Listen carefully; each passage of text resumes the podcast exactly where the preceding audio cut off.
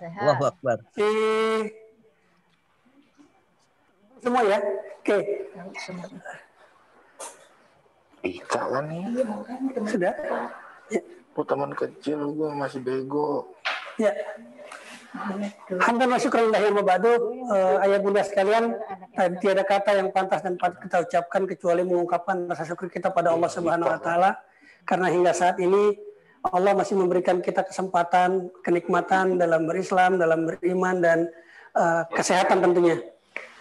Salawat dan salam kita kepada baginda Rasulullah Shallallahu Alaihi Wasallam yang telah menghantarkan umat manusia dari zaman yang penuh dengan kegelapan kepada zaman yang penuh dengan cahaya al-Islam. Baik, uh, Mas Adibi masih uh, monitor.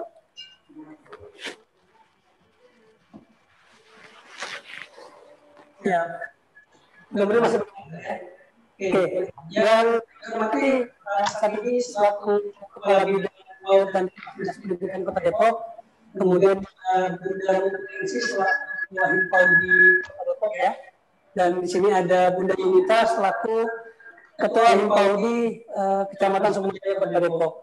Uh, yang juga sama-sama kami hormati uh, yang mendukung hari ini Bapak Hendro Martowadoyo, Mar Martowadoyo ya, selaku Ketua Yayasan Wakaf Paramadina. Baik, uh, tanpa panjang mungkin ibu-ibu, uh, saya Bunda dan Yanda, sahabat-sahabat guru sekalian yang masih uh, tune in dalam uh, Zoom meeting dan uh, YouTube ya. Selain dari Zoom meeting kita juga bisa diakses di YouTube channel dengan akun Cafe Rumi Jakarta. Tanpa banyak kami, saya mungkin akan mencoba memperkenalkan siapa pembicara kita hari ini. Ayah bunda masih ingat, mungkin teringat dengan sosok uh, pemuda yang dulu uh, sangat energik dengan karya-karya dengan karya-karyanya dan sekarang uh, terus bertransformasi menuju sebuah kebaikan banyak sekali aktivitas-aktivitas yang beliau lakukan hingga saat ini. Uh, kami mengundang beliau uh, dalam rangka kita berdiskusi tentang guru sebagai inspirator. Apa dan seperti apa? Mungkin kita langsung saja panggil beliau ya. Uh, kalau kita melihat namanya, ini namanya cukup panjang ya. Kalau boleh saya bacakan nama beliau Raden Rizky Mulyawan Kartanegara Hayang Tenada Kusuma. Wah, luar biasa. Namanya panjang ya.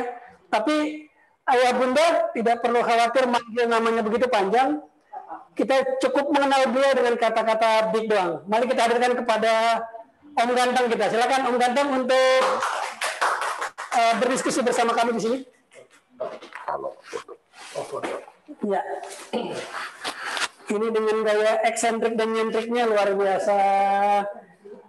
Ah, Masya Allah. Sehat Om? Alhamdulillah. Alhamdulillah. Allahu Akbar. Allahu Akbar. Aduh, enak kalau Iya, ya, enak bener. Santai aja ya kita ya. Bu, ayah bunda sekalian, ini memang kita format dengan uh, form yang tidak terlalu formal.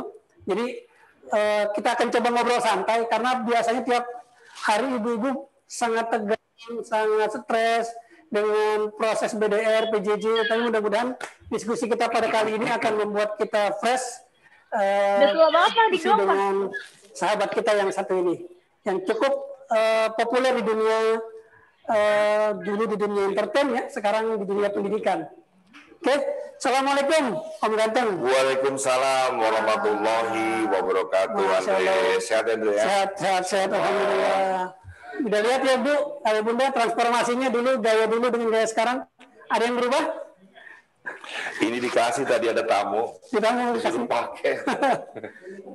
ya, ya sudah, secara kebenaran mau ada acara juga. Alhamdulillah. Ya, beliau sekarang uh, dengan gayanya masih dengan gaya nyantriknya, cuma mungkin yang agak membuat kita tergelitik dulu banyak terjun di dunia entertain sekarang seperti apa mungkin kita akan tahu juga ya air. Oke, okay.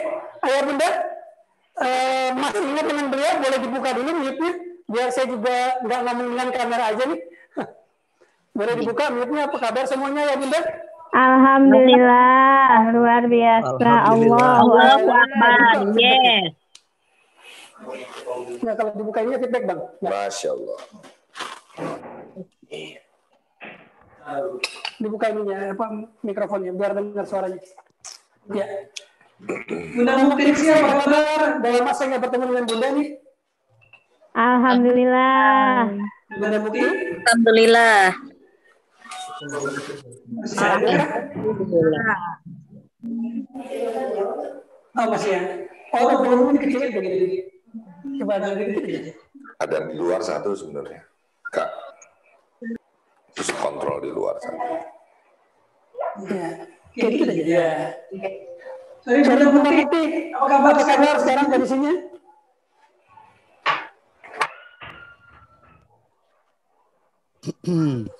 Suaranya.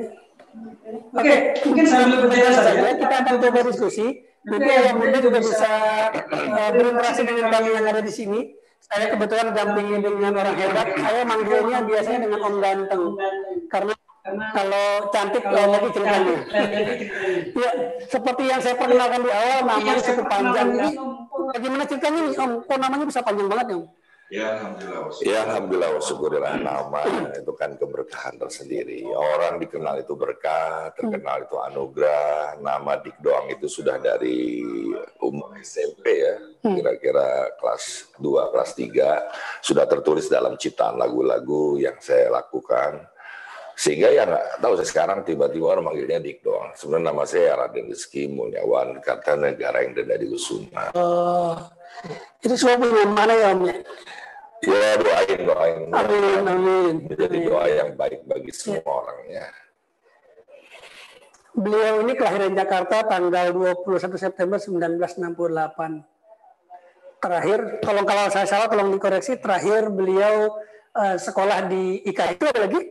Nggak ada. Nggak ada lagi. Terus selain penyanyi, beliau juga concern di dunia desain grafis dan saat ini eh, banyak terjun di dunia pendidikan. Mungkin eh, ayah bunda yang pernah ke tempat beliau di wilayah Tangerang Selatan yang bernama Kandang Jurang Doang ya Om ya.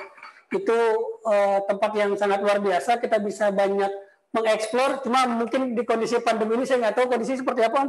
Jalan terus. Jalan terus. Jalan terus dengan proses eh, pendidikan yang eh, mungkin menggunakan eh, adaptasi kebiasaan baru gitu ya. Hobi beliau selain menggambar, mengarang komik dan lagu. Sekarang juga beliau masih mengelola sebuah sekolah untuk anak-anak kurang mampu di kandang jurang doang itu. Om, eh, kalau kita melihat guru sebagai inspirator, Baik. Mangga, Om. Silakan mungkin saya kasih waktu seluas-luasnya sampai nanti kita akan coba diskusi tanya jawab dengan ayah bunda sekalian. Mangga, Om. Baik. Mohon izin saya mengucap salam lagi. Insya Allah yang menjawab salam saya dipanjangkan usianya, Amin ya Allah. diberikan kesehatan dan amalannya soleh. Ya. Amin. Bismillahirrahmanirrahim. Assalamualaikum warahmatullahi wabarakatuh. Waalaikumsalam warahmatullahi wabarakatuh. Salam. Diolah yang menciptakan keadaan kita seperti ini ya melalui Zoom ya. Dan salam salam salam salawat kita panjatkan kepada Nabi besar kita Nabi Muhammad SAW bersama keluarga dan bersamanya. Insya Allah kita semuanya nanti mendapatkan surga di pangkuan Allah. Amin. Kita mendapatkan syafaat dari beliau, teladan kita. Sebab musabab kita berjalan dalam gelap bisa menemui titik terang. Ayanda dan ibunda tercinta, para guru-guru yang saya hormati. Karena alasan profesi Anda lah saya bisa datang ke sini. Yang pertama saya harus menjelaskan dulu siapa guru. Ya. Dalam pencarian hidup saya, saya memiliki tiga cita-cita. Yang paling rendah dulu ya. Siapakah orang yang bahagia itu? Siapa dari kira-kira nih? Orang yang dipanjangkan usianya, diberikan kesehatan dan amalannya soleh. Bahagia betul ya. Yang kedua lebih tinggi lagi. Tapi itu rendah tadi. Siapa orang yang beruntung hidup di dunia ini? Dia adalah orang yang diberikan kekayaan hati, juga kekayaan harta. Hidupnya berbagi, berbagi, dan berbagi. Umati, umati, umati. Tapi yang ketiga inilah cita-cita saya. Saya ingin sekali ada di ketiga ini. Siapa dia? Dia adalah orang yang paling diridhoi oleh Allah Subhanahu wa taala. Kakinya berpijak di belahan bumi mana pun Allah ridho. Karena dia memiliki ilmu yang bermanfaat bagi dirinya. Ilmunya mau diamalkan pada orang lain. Dan insya Allah karena ilmunya semakin mendekatkan dirinya kepada Allah. Tidak lain tidak bukan dia seorang guru. Masya Allah. Ya, saya ulang ya Bu Indah ya, ayah Anda. Saya ulang biar Anda mendengarnya tidak keliru. Siapakah orang yang paling diridhoi oleh Allah? Hidup di belahan bumi mana pun dia berpijak kakinya. Apalagi bersujud. Dialah seorang guru yang memiliki ilmu, ilmunya bermanfaat bagi dirinya, ilmunya mau diamalkan pada orang lain, dan insya Allah karena ilmunya semakin mendekatkan dirinya kepada Allah. Jadi Anda sudah benar. Kekeliruannya adalah guru-guru itu mengabdi jadi guru, itu salah besar. Itu luar biasa kesalahan besar. Jangan pernah mengabdi jadi guru. Tapi mengabdilah kepada Allah, jalannya menjadi guru.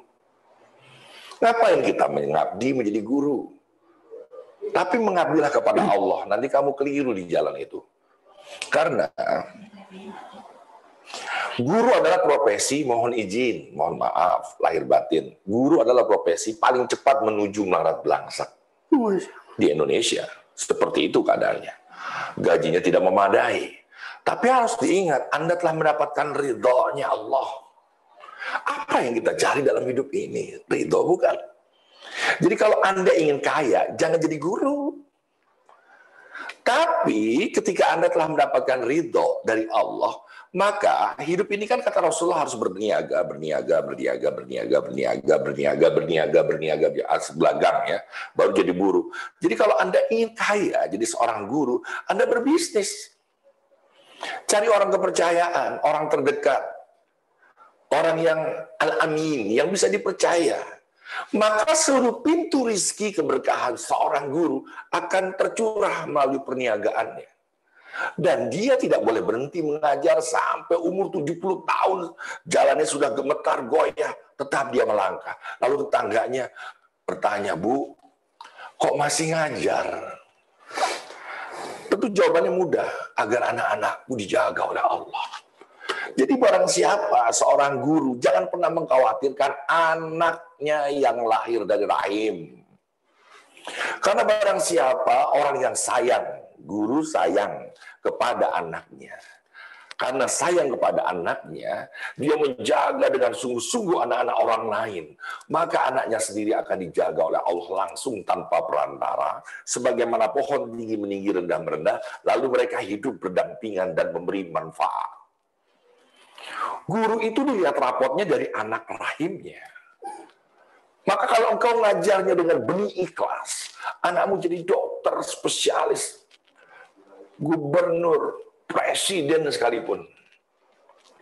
Karena guru harus tahu. tahu petani, Bu Guru? Pak Guru, petani tahu. Dia tahu betul cahayanya saat dia bertani cahaya dari Allah. Angin yang semilir juga dari Allah. Tanahnya juga begitu, pohonnya juga begitu. Lalu airnya juga begitu. Lalu apa petani kerjanya? Dia tahu dia tidak akan pernah hidup di garis sederhana sekalipun, tapi di garis kemiskinan. Cuma dia mencangkulnya harus menjadi teladan bagi kita. Ikhlas. Maka anak-anaknya menjadi anak-anak yang hebat-hebat. Bahkan didikannya itu semuanya jadi semuanya. Kalau Anda bisa mengajar seperti ini, niscaya Anda 15 tahun mengajar, 20 tahun mengajar, Anda sudah pergi haji. Dari siapa itu? Dari mana uangnya? Dari orang-orang yang berhasil, yang mengingat dirimu bahwa engkau adalah guru.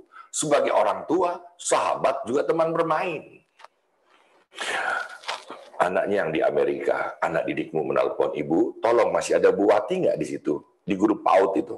Masih ada enggak? Coba berangkatkan dia umrah, Bu. Ini aku bisa, Pak begini karena aku teringat Ibu Wati. Harusnya begitu. Bukan sekedar baju batik di hari lebaran. Jadi guru itu harus lengkap. Dia menjadi orang tua, dia menjadi sahabat, dan dia menjadi teman bermain. Dalam hal ini kan guru-guru PAUD. Guru-guru PAUD harus ingat betul, tapi saya sudah tahu betul bahwa Anda sudah tahu. Tapi saya hanya menggaris bawahi, lalu di garis merah, lalu dipertebal. Mungkin Anda sudah benar. Saya ulang ya. Satu sampai tujuh tahun, pautkan di situ. Jangan pernah Anda memberi pelajaran apa pun, kecuali bermain, bermain, dan bermain. Siapa bilang bermain itu bukan belajar? Bermain itu sebuah aktivitas yang dilakukan dengan sukacita, dengan fashion, dengan gairah, dengan kecintaannya. Cuma ujungnya kita tidak tahu itu menjadi baik atau jadi buruk. Maka kita sebagai guru adalah pendamping tadi sebagai orang tua, sebagai sahabat, sebagai teman bermainnya. Anda nggak usah kalap. Anda tidak usah gamang. Ketika SD, tidak akan diterima anak-anak yang tidak bisa baca. Saboloting. Who cares? Jangan eh, terkontaminasi dengan itu semua. Jangan terkontaminasi dengan itu semua. Anda tetap berpakem kepada main, main, dan main. Jangan kau cabut masa bermain anak-anakmu dengan cepat. Karena kelak kau akan menemukan anakmu yang dewasa tapi kekanak-kanakan. Saya ulang ya. Jangan kau cabut masa bermain anak-anakmu dengan cepat. Karena kelak kau akan menemukan anakmu yang dewasa tapi kekanak-kanakan. Waktu main dikasih pelajaran. Ikra bismi robika lagi khalaqa. Kamu harus membaca tanda-tanda ayat-ayat yang berserakan. Yang diserahkan oleh Allah. Kita mampu membaca itu semua. Susi Susanti main apa? Bulu tangkis. Gara-gara Susi Susanti main bulu tangkis, semuanya jadi belajar bulu tangkis. Hmm. Kan main. Ya. Messi main apa? Bola. Bola. Gara-gara main bola, dia triliunan uangnya. Dari main. Sekarang kalau waktu main disuruh belajar di TK, di PAUD, di playgroup, apa yang terjadi? Itu SMA, males dia ngajar. Hmm. Males dia belajar, males. Males dia belajar. Kuliah udah nggak mau kuliah. Karena apa? Teraniaya. Jadi dosa pertama orang tua adalah sebenarnya menyekolahkan anaknya. Hmm. Kala masa dia bermain. Udah deh, kita melihat dunia yang hirup pikuk sebelum pandemi, jangan gemetar mencekolahkan anak buru-buru. Takut kenapa-napa. Ada masanya, apa itu momen? Momen itu ruang dan waktu presisi. Kita harus tepat. Suka duren? Suka. Suka. Hmm. Tapi durennya belum matang. Mau? Enggak. Ya ada waktunya makan yes. duren itu. Hmm. Istri, punya istri? Lagi mens, boleh kamu berhubungan? Enggak boleh. Ada waktunya. Yes. Oke kita berangkat haji sekarang. Diterima nggak kalau haji sekarang? Bisa. Ada waktunya. Betul. Anda juga mau mandi malam setengah tiga ada waktunya air terbaik yang berasimilasi terhadap kondisi bumi. Makanya kita difitnah dengan kata-kata kedokteran nanti rematik. Padahal itu air terbaik. Di mana kalau guru-guru rajin mandi malam setengah tiga lalu wudhu dan tahajud, maka setiap guru-guru akan diberikan rahasia yang dirahasiakan oleh Allah yang tabirnya belum terungkap akan diungkap untuk orang guru itu. Tapi orang bule melalui kedokteran jangan mandi, entar rematik. Padahal itu rahasia terbesar dari orang Islam. Hmm. Oh, guru-guru itu adalah cahaya. Makanya disebut RA Kartini itu habis gelap terbitlah terang. Jadi guru-guru itu kalau dia mendapatkan ilmu, perhatikan ini guru-guru mohon izin, maaf. Kita istighfar dulu ya. Astagfirullah. Ilmu itu ada dua ya Bu Guru, Pak Guru. Ada ilmu bulan dan ilmu matahari. Bulan. Hmm. Ilmu bulan, ilmu matahari. Kalau ilmu bulan, ada guru punya ilmu bulan. Dia seolah-olah mampu menerangi kegelapan, padahal cahayanya yang mendapatkan pantulan dari matahari. Dari matahari. Orang ini sombong, nggak mau belajar, mentang-mentang guru, hmm. udah merasa bisa. Ah, aku nggak diajarin gitu sama kiaiku. Itu ilmu bulan, Bu. Sekali lagi, itu ilmu kesombongan. Sombong itu ibarat selendang. Selendangnya Allah. Allah tidak pernah pakai selendang. Masa kau pakai di mana-mana? Hmm. Kalau nanya pun menyanggah. Dikritik sama anak-anak, oh marah. Itu bukan seorang guru. Guru tidak boleh memiliki ilmu bulan. Dia hanya terang karena mendapatkan pantulan dari matahari. Hmm. Tapi setiap guru-guru itu harus memiliki ilmu matahari. Apa? Ilmu matahari. Ulang. Ilmu matahari. Sekali lagi. Ilmu matahari. Ilmu matahari. Ilmu apa ini? Kalau Anda mendengar Zoom seperti ini, tidak usah lihat diri saya siapa. Tapi lihatlah keberadaan Allah di mana pun itu. Saya adalah orang yang siang ini Dikendaki oleh Allah berbicara padamu itu aja cukup. Karena ada ilmu yang sesungguhnya ilmu yang dia kalau engkau mendapatkannya, kau akan bercahaya. Apa itu? Al-Alim sebagai sumber. Rohman dalam Asmaul Husna ya. Rohim, Malik, Kudus, Salam, Mukmin, Muhaimin, Aziz, Jabar, Mutakabir. Al-Khaliq, ya Bari, ya Musawir, ya Gofar, ya Kohar. Ya Wahab, ya Rojak, ya Fatah, Al-Alim. Jadi sumber dari segala sumber ilmu pengetahuan adalah Al-Alim. Jadi, seperti apa regulasinya dalam tubuh kita? Kalau engkau memiliki ilmu matahari, aku ngomong apa aja dengerin aja dulu dengan ikhlas. Lepas dulu HP-nya, tenangkan dulu suasana anak-anak. Izin ibu berhadapan dulu dengan ilahi. Wal fajr, wadduha, wal asri, semua tentang waktu. Nah, mohon izin, aku ingin bicara dulu kepada ilahi. Mungkin melalui kiai kita, melalui siapa, jangan semuanya dibawa semuanya dalam satu kesempatan yang sama. Kita harus khusyuk. Jadi, Ibu, kalau Anda mendengar saya ini sekarang, nanti dimatiin setelah acara ini, lalu ibu nyetrika, ya, lalu ibu siapin makanan anak, suami pulang dilayani, lalu nonton drakor, ya, terus malam tidur, yakin kalau ibu ilmunya matahari, yang buruk akan terbuang dengan sendirinya. Kalau ikhlas ya, akan terbuang dengan sendirinya. Lalu yang baik ke mana? Yang menjadi ilmu. Ilmu itu adalah cahaya. Dan cahaya itu adalah nur. Nur itu tersimpan dalam inti sehari hati bernama kolbu.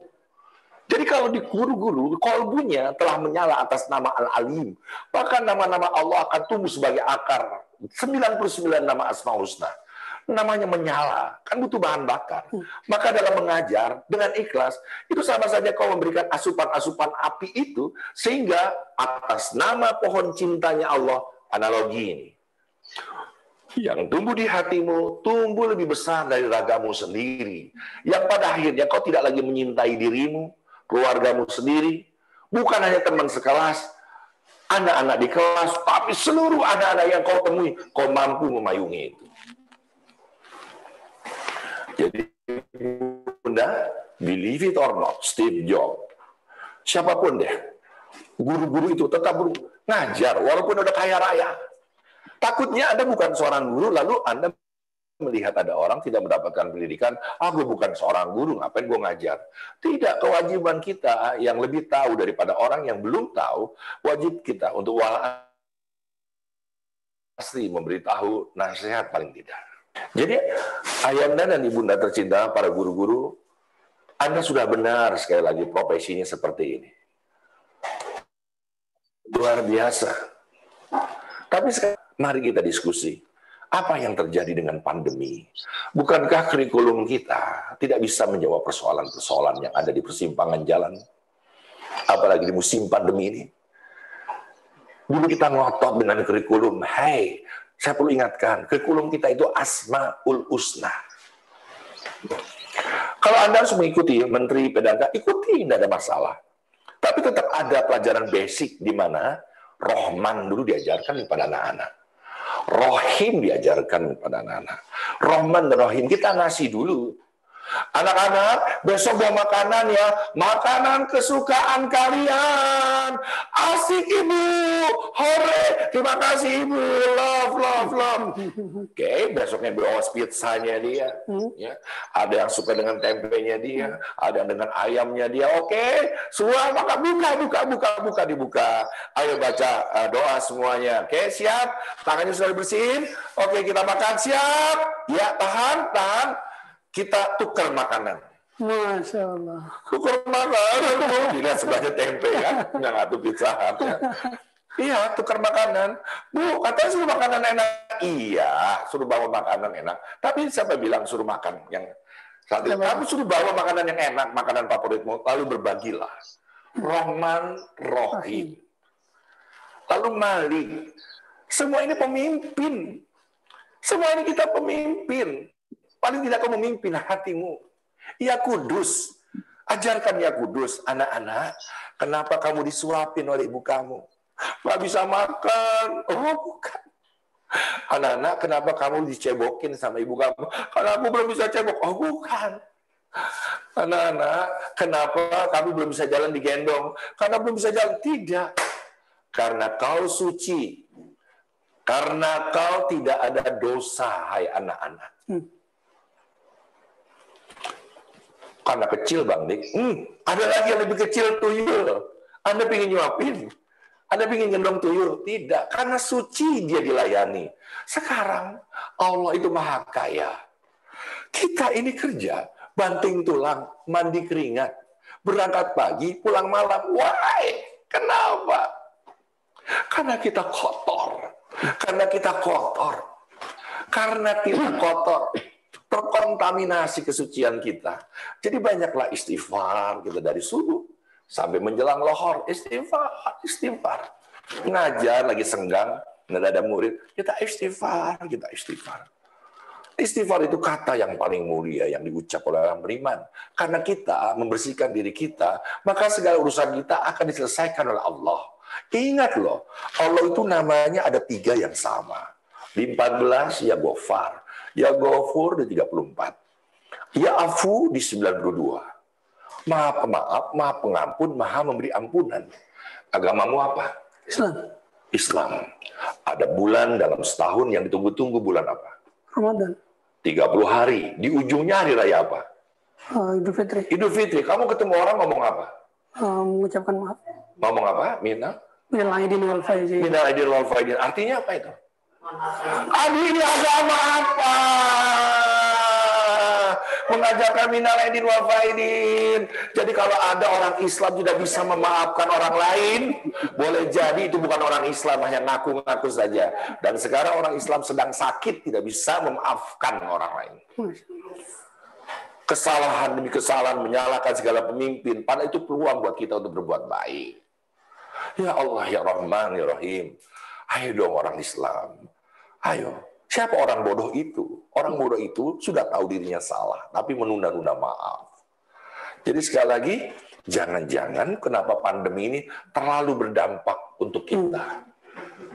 Jangan-jangan, mohon izin guru-guru, terhadap pandemi ini kita harus bersabar ya.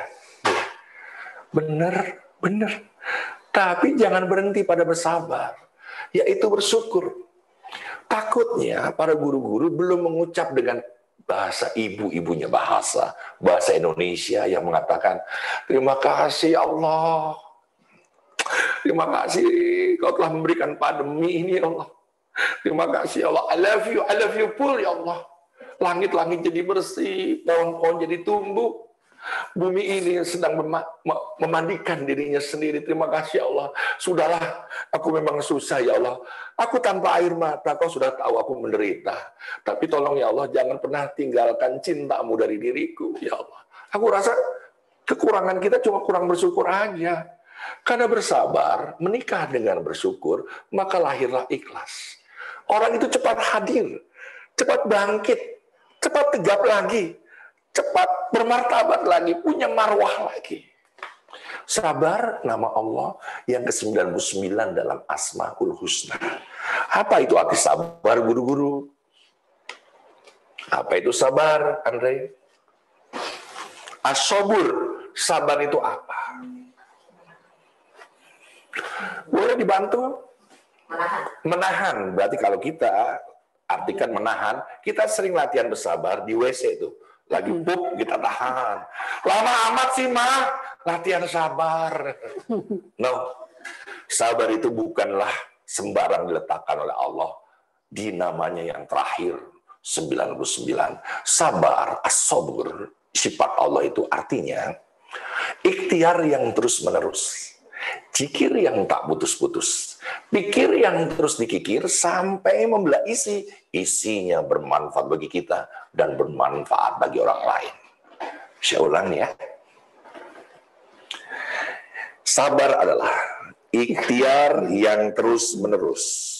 Jikir yang tak putus-putus. Pikir yang terus dikikir sampai membelah isi. Isinya bermanfaat bagi kita dan bermanfaat manfaat bagi orang lain. Jadi jangan pernah berkata sabar itu ada batasnya. No.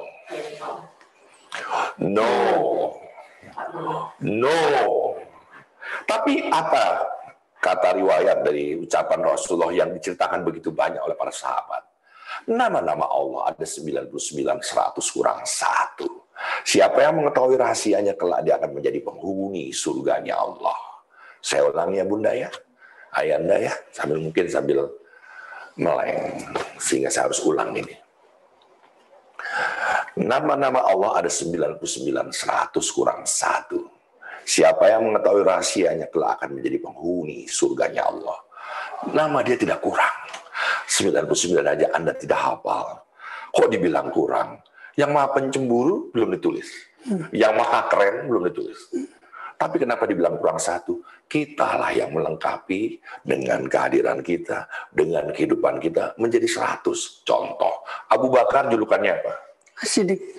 Yang maha membenarkan. Ya jelaslah maha membenarkan. Dia hidup berdampingan dengan Rasulullah. Perbuatannya, perkataannya, dia melihatnya sendiri. Maka Asobur 99 tambah Asidik jadi 100. Penghuni surga dia Abu Bakar. Isa al Al-Masih. Al-Masih yang terkasih. Asobur Al-Masih yang terkasih. Manusia yang tidak pernah tersentuh debu dan dosa. Debu saja tidak nempel dalam tubuhnya dia. Masya Allah. 100. Rasulullah al Al-Amin. Al-Amin. Asobur Al-Amin. Masya Allah. Kalau Nabi Daud itu Nabi paling ganteng, tapi Rasulullah adalah makhluk manusia yang bercahaya di atas cahaya, yang cahayanya kita rindukan. Jadi 99 asobur, Al-Amin jadi 100. Dia menghuni surga. Kalau mati, Al apa? Almarhum. Almarhum. Astagfirullah. Robbal Astagfirullah minal khotoya. Guru-guru bukan almarhum. Bukan. Al-ikhlas. Asobur terakhir, al-ikhlas kita. Contoh, Rizky Mulyawan jadi al-ikhlas ditambahkan. Rizky Mulyawan al-ikhlas. Nama kamu tambahin al-ikhlas. Andre Al-Ikhlas. Yang keras? Andre Al-Ikhlas. Tiga, dua, satu. Sebutkan nama ibu, tambahkan al-ikhlas semuanya. Nita al-ikhlas. Nice. Pertanyaannya, sudah ikhlas atau belum?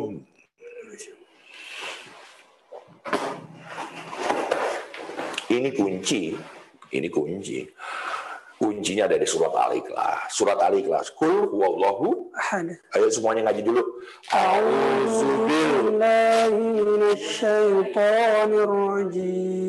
Bis. Bismillahirrahmanirrahim. Oh. Kul huwallahu ahad. Allahus samad. لم يلد ولم يولد ولم يكن له كفوا أحد Sada. صدق الله العظيم Kul huwallahu ahad. Allah itu satu, satu-satunya. Ya. Yang dua ini penting. Allahu somad. Dia tempat kita bergantung. Oke.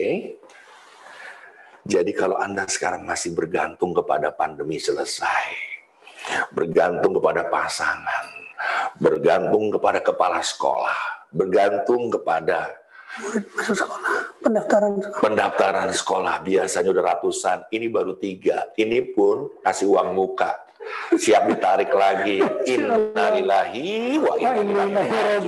Kenapa kau berharap selain Allah? Allah itu tidak beranak dan tidak diperanakan dan Allah itu tiada banding, tiada tara, tiada terbilang, tiada terhitung. Itu ikhlas.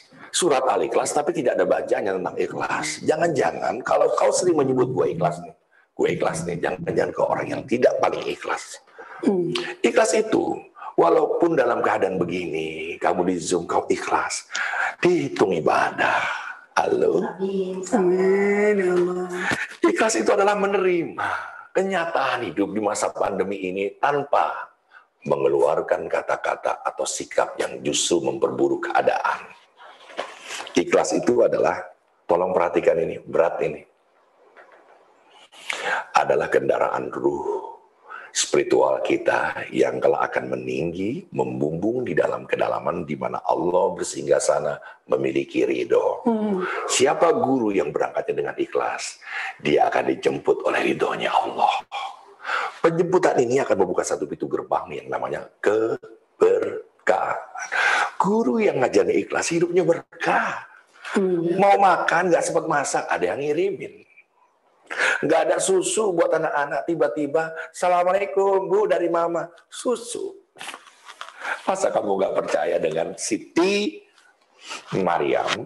Dia dipenjarakan di kandang kambing, tidak ada kitchen set, tidak ada sayur mayur, tidak ada bumbu dapur, tapi selalu tersedia makanan. Lalu Nabi Zakaria merasa hidupnya tidak bermanfaat, menjaganya. Seperti tidak berfungsi, jendelanya selalu tertutup. Tapi ada makanan terus, lalu tergugat dia. Dari mana Siti Maryam? Siti Maryam yakin dengan satu kata saja, Allah. Dongeng itu dongeng. Hah? Legenda. Stefan. Bisa begitu. Kenapa nggak bisa? Itu kan pelajaran di mana kita harus meneladani. Bisa. Maka dengan kata Allah menjadi inspirasi buat Nabi Zakaria. Dia pulang, dia minta istrinya 99 tahun, tidak punya anak. Ya Allah, aku ingin punya anak. Sebagai penerus keagamaan. Apa kata Allah? Puasa. Gak kalah pendek ya jawabannya. Yang satu Allah ini puasa. Begitu puasa, lahir Nabi Yahya. Masya Allah bunda. Ayolah, sekarang saatnya kita berpuasa untuk menulis hoak diteruskan jadi hoak. Kita berpuasa menepi sebentar. Ini bulan Rajab. Cobalah puasa satu hari. Cobalah puasa dua hari. Sepuluh hari atau Senin Kemisnya terus makin getol atau di Daud sekarang. Tidak ada masalah. Untuk apa Bang Dik? Rajab Sarullah, Syaban Sariwa, Ramadan Sari Umati. Rajab bulan Allah, Syaban bulanku kata Nabi yang menyampaikan. Ramadan bulan umat. Ini bulan cinta, ini yang menyampaikan cinta, ini yang dapat cinta. Kenapa? Hmm. Lu selalu minta, ini menabur benih, ini menyirami benih, memetik hasil melulu maunya. Padahal berkali Ramadan kok tidak dapat apa-apa. Hanya sibuk dengan sembako yang mahal lalu sibuk membeli tiket untuk pulang kampung, lalu pembantu yang minta THR dan lain-lain. Terus dari tahun ke tahun itu aja, hey, ayo ini bulan Rajab, ini Zoom nggak main-main. Ini orang-orang pilihan dari 165 yang mendengar kata-kata ini. Seperti surat At-Taubah mengatakan, sebagaimana bilangan bulan di sisi Allah, bukan di sisi Andre ya, bukan di sisi manusia ya, sebagaimana bilangan bulan di sisi Allah. Coba bayangin dulu, kalau kamu bayangin Allah, Bima Sakti tahu dong? Allah pemiliknya itu. Di sisi Allah sebagaimana dia menciptakan siang dan malam. Ada bulan yang dikeramatkan. Ya Allah, Rajab. Ini bulan Allah. Bulan di mana masuk Rajab. Ini guru saya, saya Maulana Hisam Kabani. Nggak bisa digugat lagi nih. Saya mendapatkan ilmu dari dia. Dia yang mengajarkan ini. Ini bulan Rajab, bulannya kekasih memanggil kekasihnya. Kalau Anda tidak dipanggil, banyaklah istighfar. Karena Nabi itu banyak, tapi yang dipanggil cuma Rasulullah untuk mi'raj. Sahabatnya banyak, tapi yang percaya cuma Abu Bakar. Kalau saya cerita Rajab ini, Anda buka di YouTube banyak ilmu. Ada yang bilang, ah doif apa amalannya dan segala macam. Anda jangan berdebat. Puasa ini hanya untuk Allah. Jadi bukan karena satu tahun menghapus doa satu tahun. Puasa sehari menghapus satu tahun. Bukan. Ber, berpuasalah engkau hanya untuk Allah. Bukan karena dosamu yang banyak. Pahala yang banyak. No. Ayo sudah dapat berapa hari masuk bulan Rajab. Ingat setiap kali bulan Rajab masuk. Semua akan ditipu daya. Contoh, mau masuk raja, ada Imlek, dihapit oleh Valentine. Gak lama lagi ada berita besar, ada artis ngomongin sebagai pelakor. Ditulis artisnya juga gak main-main. Kita kecewa dan lain-lain. Hei, kau sedang ditipu daya.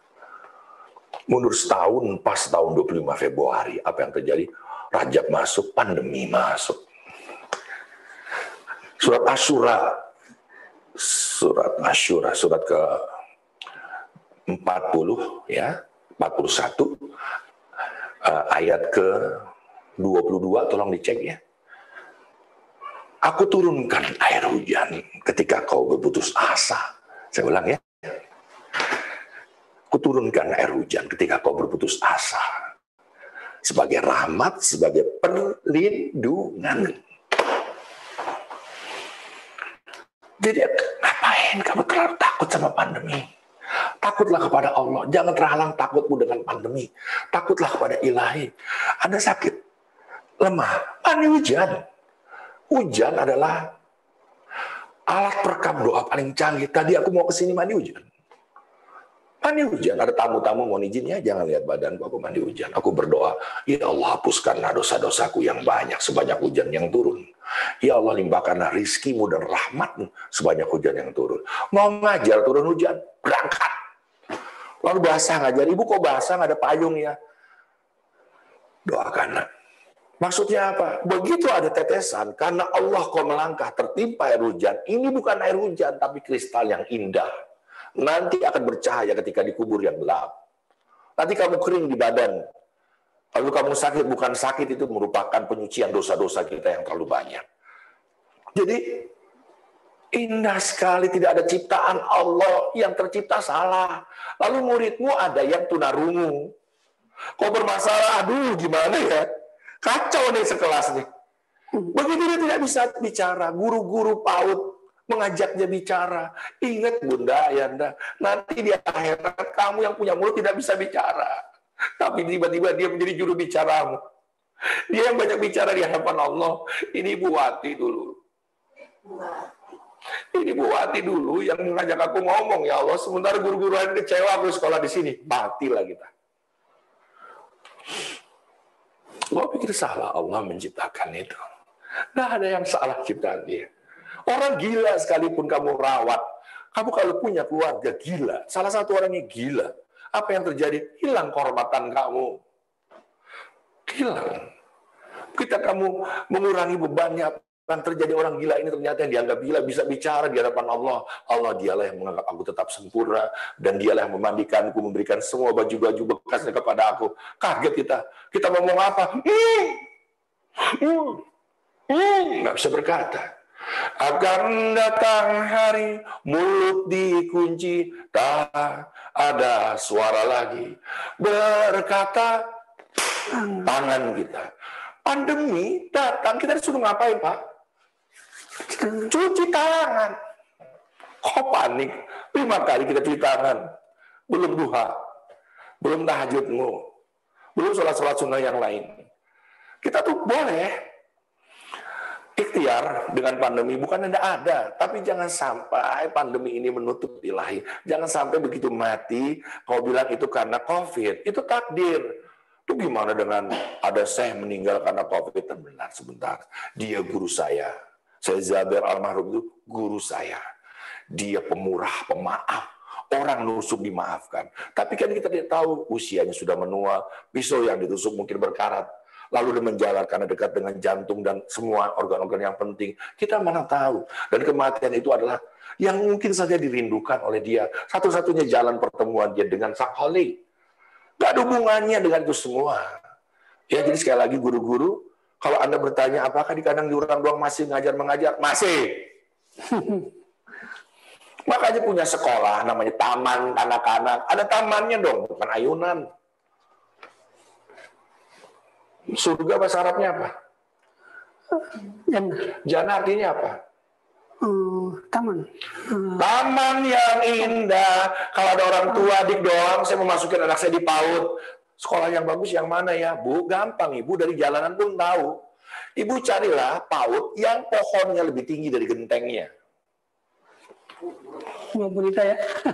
Bukan piala-piala ditaruh bu di pagarnya. Ya Allah, di depan pintu gerbangnya istighfar. Eh, anak-anak gak usah harus berprestasi pagi-pagi. Hari ini sudah berprestasi lihat deh bu, menang baca ini nggak usah. Nanti ada usianya. Ini ini kacau ini kacau. Kacau kecuali anak-anaknya yang mau. Tapi kalau orang tuanya punya ambisi, kasihan kasihan. Ya, kenapa harus ada pohon? Pertama Ki Hajar Dewantoro menemukan tempat belajar namanya taman siswa. Kenapa jadi school sih? Karena penjajah masuk membawa ideologi untuk menghitung hasil rempah-rempah di bawah jajahannya. Akhirnya anak-anak tidak pernah bisa menjaga lingkungan karena apa? Tersekat oleh ruang dan dinding. Mulai sekarang, ayo udah ada pandemi ini. Mau belajar dalam ruangan, hati-hati kamu. Tapi kalau di luar ruangan, boleh jadi terlalu luas untuk corona kena kita. Kenapa harus ada pohon? Kenapa paut harus banyak pohon? Dalam ilmu marifat, ya ilmu marifat ini ibu, ibu nggak usah dengerin. Ini ilmu marifat, syariat, tarikat, hakikat, marifat. Jadi terlalu tinggi, ibu syariatnya aja belum benar. Tapi denger aja lah kalau hidayah, nggak ada tingkatan. Allah kasih udah. Apa kata ilmu marifat? Setiap rintik hujan yang turun dari langit, ketika dia turun, dia turun bersama dengan malaikat keberkahan. Anda harus percaya ini, wajib. Kenapa? Ada matahari terik, nggak disuruh kita berdoa. Ada angin ribut, tidak ada kita suruh berdoa. Walaupun ada doanya. Tapi hujan turun, kita wajib berdoa. Orang Cina punya lebaran, namanya apa? Imlek. Kalau hujan turun, diharapkan. Kalau nggak turun, ah, cilaka wudhu tak. Kalau turun dia mengatakan apa? Ah, hoki ya, hoki ya. Karena dewa-dewa dianggap sedang turun. Orang Islam turun air hujan, itu malaikat-malaikat keberkahan sedang turun. Lalu kena jatuh di daun, sekecil apa pun satu helai daun, sudah ada tujuh malaikat dalam setiap helainya.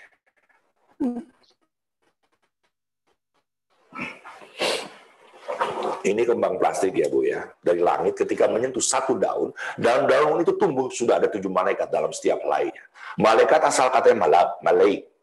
Bentuk jamaknya malaka. Makanya ada selat malaka yang mempertemukan begitu banyak pertemuan pulau-pulau. Tugasnya kurir, sang penyampai. Jadi kalau ada sekolah, pohonnya banyak, lalu berdoa, mengajarkan ilmu agama, isinya doa-doa, maka doa-doa yang diucapkannya jauh lebih cepat sampai daripada sekolah yang tidak menanam apalagi merusak, menggantikannya halamannya dengan AC. Dik doang gimana dong kalau saya nggak punya rumah kontrakan, pakai pot bu. Ibu pindah pot yang angkat. Gimana bang Dik saya kontrakan di di gang-gang sempit gimana Dik? Pakai tanaman gantung ibu gang cantik. Bisa kan? Om Dik saya nggak punya ini, nggak punya itu, ini semua nggak punya. Bu, gantung diri aja. Allah. Allah somat. Kau tempat bergantung hanya kepada Allah. Kalau kamu tidak punya halaman sama sekali, tanamlah pohon cinta di hatimu. Jangan sok kita nanam pohon, tapi tidak pernah menanam pohon cinta di hati kita. Seolah-olah kita paling sayang mana semesta, tapi kita tidak merawat hati kita. Kalau bisa ya dua-duanya. Ya, jadi guru-guru, masa pandemi ini adalah masa di mana kamu harus memulihkan segala kekeliruan kita. Seperti apa, Bang Dik maksudnya? Hei, jangan lupa, anak-anak yang hebat, yang bisa bertahan ke depan adalah anak-anak yang mengenali kode-kode digital. Ulangi, Anak-anak yang hebat adalah anak-anak yang bisa mengenali kode-kode digital. Anak-anak yang hebat itu anak-anak yang bisa mengenali kode-kode digital. Apa kabar dengan guru-guru? Udah belajar aplikasi? Semacam apa aplikasinya? TikTok aja, yang lain? Semua hidup sekarang dari aplikasi, bagaimana menggambar, bagaimana menulis, bagaimana bikin logo dan lain-lain, bagaimana bikin jadi youtuber dan lain-lain. Saya takut nanti pandemi dua tahun lagi misalkan kelar, Anda tertinggal jauh anda belum ada Instagram. Ya, saya udah punya Instagram Bang Dik, mau apa? Berapa followernya? 100. Ahai. Kekayaan orang beragama adalah silaturahim. Mulai sekarang Ibu maintain dulu. Kalau Ibu belum bisa punya konten, cari gambar-gambar yang bagus, pindahkan dulu. Itu pun kalau boleh. Pindahkan ke channel kamu, Instagram kamu. Lama-lama kamu punya channel yang bagus, boleh kamu bikin konten. Jadi paling tidak Ibu, kalau Ibu merasa baik, Bapak merasa baik, followernya lebih daripada anak-anak didik kita. Kalau mereka bisa jutaan, lalu mereka hidup miliar. Kalau kamu ngajar, anak hidup di miliar penghasilannya, siapa yang mau dengar? Gak ada yang dengar. Tuhannya sudah menjadi duit. Sekarang anak kita, Bu, semuanya ingin jadi YouTuber. Bapak-bapak, nggak ada yang ingin jadi astronot. Semuanya ingin jadi YouTuber. Berarti apa? Ayo sekarang masa pandemi ini adalah masa pemulihan kita sebagai guru untuk mempelajari yang namanya digital. Ya, Finlandia adalah sekolah terbaik. Kalah dia sekarang sama Singapura, negara kecil. Why? Karena tempatnya sama-sama bagus, tapi Singapura sudah eh, mendigitalisasi semua pelajaran-pelajarannya. Dari dulu saya udah curiga, Bu, bukan saya peramal. Sebelum pandemi 3 atau 5 tahun saya masuk ke Al-Azhar, saya bilang, harusnya anak-anak itu udah nggak bawa kertas lagi, udah cukup iPad. iya, ini kan menebang pohon, ya terjadi erosi dan lain-lain lah longsor dan lain-lain karena penebangan pohon kebutuhan yang makin meningkat makin padat. Sudah pakai iPad udah segitu sekarang zamannya. Ibu-ibu punya bikin bros bagus tinggal di posting ya. Orang mesen ribuan kodi. Ibu nggak perlu bayar apa-apa. Sekarang udah zamannya itu. Pertama kali yang bu guru pak guru follow adalah anak-anak. Anak-anak didik. Biar tahu perasaan mereka seperti apa. Biar kau bisa menegur langsung di sekolah nanti. Nggak usah di dunia maya jadi sekarang ibu kesempatan sebenarnya berterima kasihlah dengan pandemi ini. Ya Allah, kita terlalu lalai. Ternyata ilmu yang kita lulukan tidak bisa menjawab persoalan yang ada di persimpangan jalan. Apalagi di musim pandemi ini. Ini muka di saja Bunda, Ayanda. Mohon maaf lahir batin, saling memaafkan dan saling mendoakan. Biar kita terjadi komunikasi yang baik. Monggo kalau ada yang ingin bertanya kepada Andre, nanti coba saya akan sampaikan kepada Andre. Monggo, segitu dulu aja ya. Baik, luar biasa, masya Allah. Saya tak sanggup lagi banyak berkata karena uh, ini semuanya membalikkan saya pola pikir kita semua mungkin ya. Yang tadi kita penuh dengan kekhawatiran di masa pandemi, yang penuh ketakutan, karena mungkin ada beberapa curhatan tadi mungkin disampaikan juga Om Ganteng kita bahwa uh, menjelang pendaftaran nih ya, Bu Nita ya, Bu Nita ya, menjelang pendaftaran yang daftar baru satu, baru dua, kekhawatiran yang luar biasa. Tapi mungkin tadi uh, kita mendengar pencerahan dari beliau tentang uh, cara berpikir lah ya. Sebenarnya kita juga memang semuanya berawal dari mindset kita. Tanpa panjang kalam lagi, mungkin bagi uh, ayah bunda yang ingin bertanya langsung dengan Om Ganteng kita, uh, dipersilakan uh, raise hand di uh, Zoom-nya. Kalau untuk yang uh, uh, di YouTube mungkin bisa langsung di kolom komentar. Nanti uh, di sini ada kawan kami Bang Dodo yang mungkin bisa membacakan atau dari kawan kita yang pantau Zoom. Ya. Di Zoom di chat Kopi. Ya, silakan di Zoom bisa di chat langsung atau mau langsung ngomong silakan. Silakan Ayah Bunda. Apa apa sih ini? Promo promo. Gak usah di gak usah dibuka. Um, buka pun Gak usah dibuka. Uh, di ininya uh, dibuka mic-nya. Buka. Dua sini. Kok udah dibuka sih satu? Aduh, pelanggaran lo. Oh gitu dong. Nah, ini memang salah satu sponsor kita ya. Uh, kita sekarang berada di studio uh, Rumi ya. ya. Namanya apa ya Bang sini ya? Enggak. tempat kita ini studio apa namanya? Kafe Rumi. Kafe Rumi. Enggak. Silakan mungkin Bang. Eh, bukan, bukan. Ini bukan punya saya. Oh. Ya tapi di kala pandemi ini banyak guru-guru menjadi UMKM. Nah, bagian terhebat dari pedagang-pedagang yang hebat adalah pandai berpromosi. Hmm. Ya, nah makanya aku nggak ragu-ragu bantu. Ya taruh aja di sini.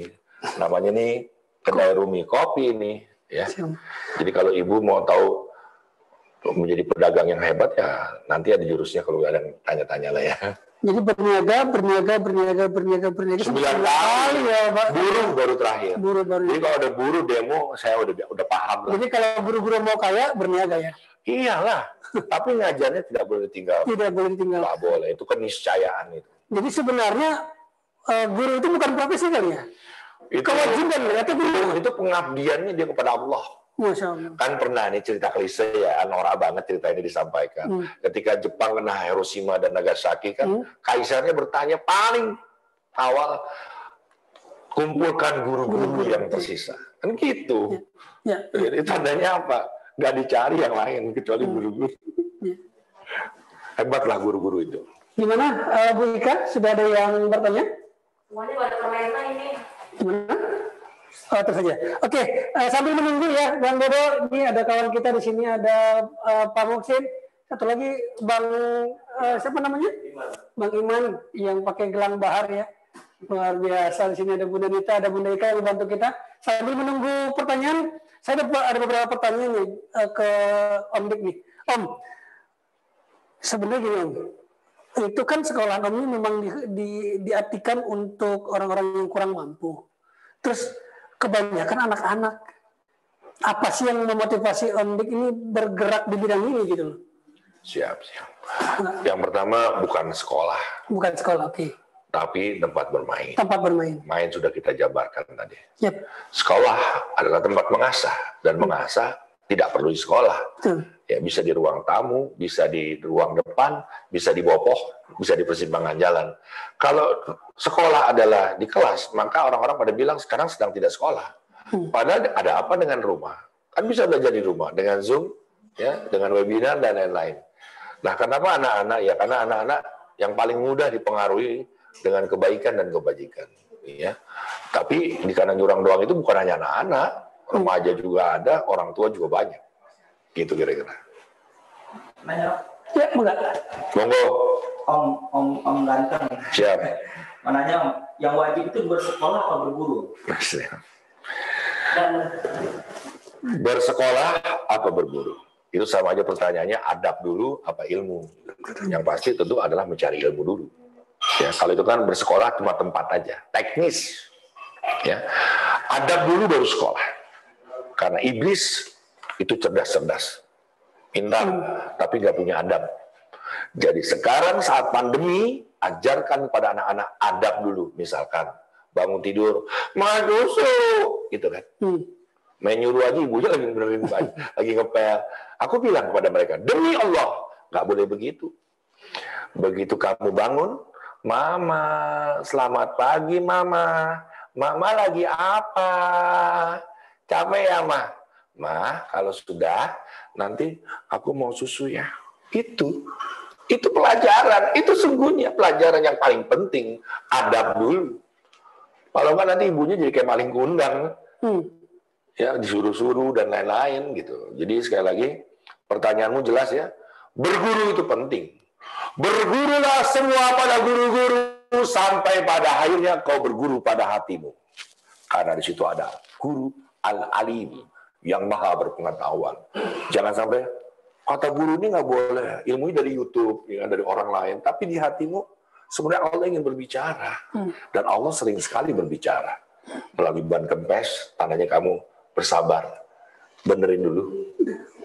Tiba-tiba mau susu, susunya basi. Tandanya Allah melihat bahwa kau kurang melihat dapur. Allah sering bicara, tapi kita menganggap itu sedang dapat musibah. Kayak gitu lah. Jadi Kira-kira ya. Jadi memang ini benar-benar ilmu yang sangat mendasar yang harus kita pahami kali ya, karena memang masih banyak kekhawatiran. Mungkin sebelum saya berdialog tadi, ada kekhawatiran apa iya mungkin misalnya saya jadi guru, ada murid yang perhatian atau enggak, kita masih bertahan kayak gini, khawatir dapur enggak. Banyak itu, Om. Banyak masih kekhawatiran, Iya, kekhawatiran iya, iya, menutupi iya. keikhlasan kita gitu. Para guru, mohon izin, sebenarnya tidak ada profesi guru sebenarnya. Hmm. Ya, yang ada murid. Hmm. Ya, karena ada orang ingin belajar pada kita untuk membedakan mana yang mengajar dan belajar, disebutlah kita guru, dia murid. Sebenarnya juga tidak ada yang namanya bapak, semuanya anak, anak cucu Adam. Jadi karena kita lahir untuk membedakan itu anak ini bapaknya disebutlah kita bapak itu anak. Jadi guru-guru tuh nggak boleh berhenti mengajar, eh nggak boleh berhenti belajar apalagi mengajar. Jadi jangan pernah berhenti seyogyanya kita adalah murid. Gitu. Dan kalau dia nggak datang, apa hebatnya kita? Mulianya di mana? Makanya untuk beberapa guru yang aku perhatikan, ketika kita dicium, kita mencium lagi tangannya.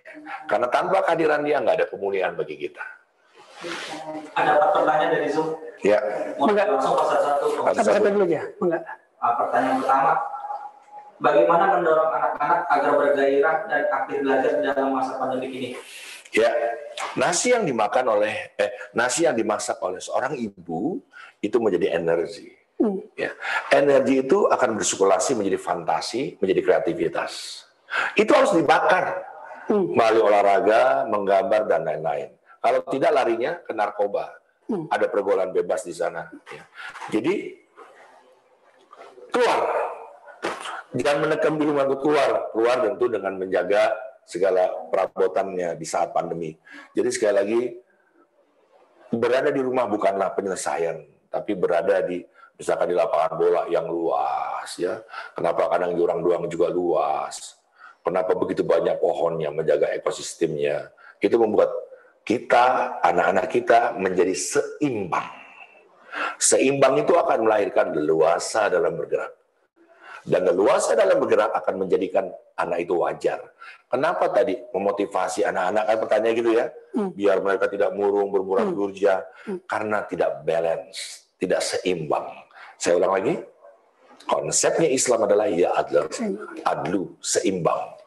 Sampai-sampai orang boleh menikah dua, tiga, empat asal berlaku adil, seimbang. Ayo terjadi sudah terjadi ketidakseimbangan pada anak kita. Ayo main keluar, jaga diri kita, jaga batasan-batasannya. Nanti kalau nggak dia depresi, stres dan lain-lain. Monggo.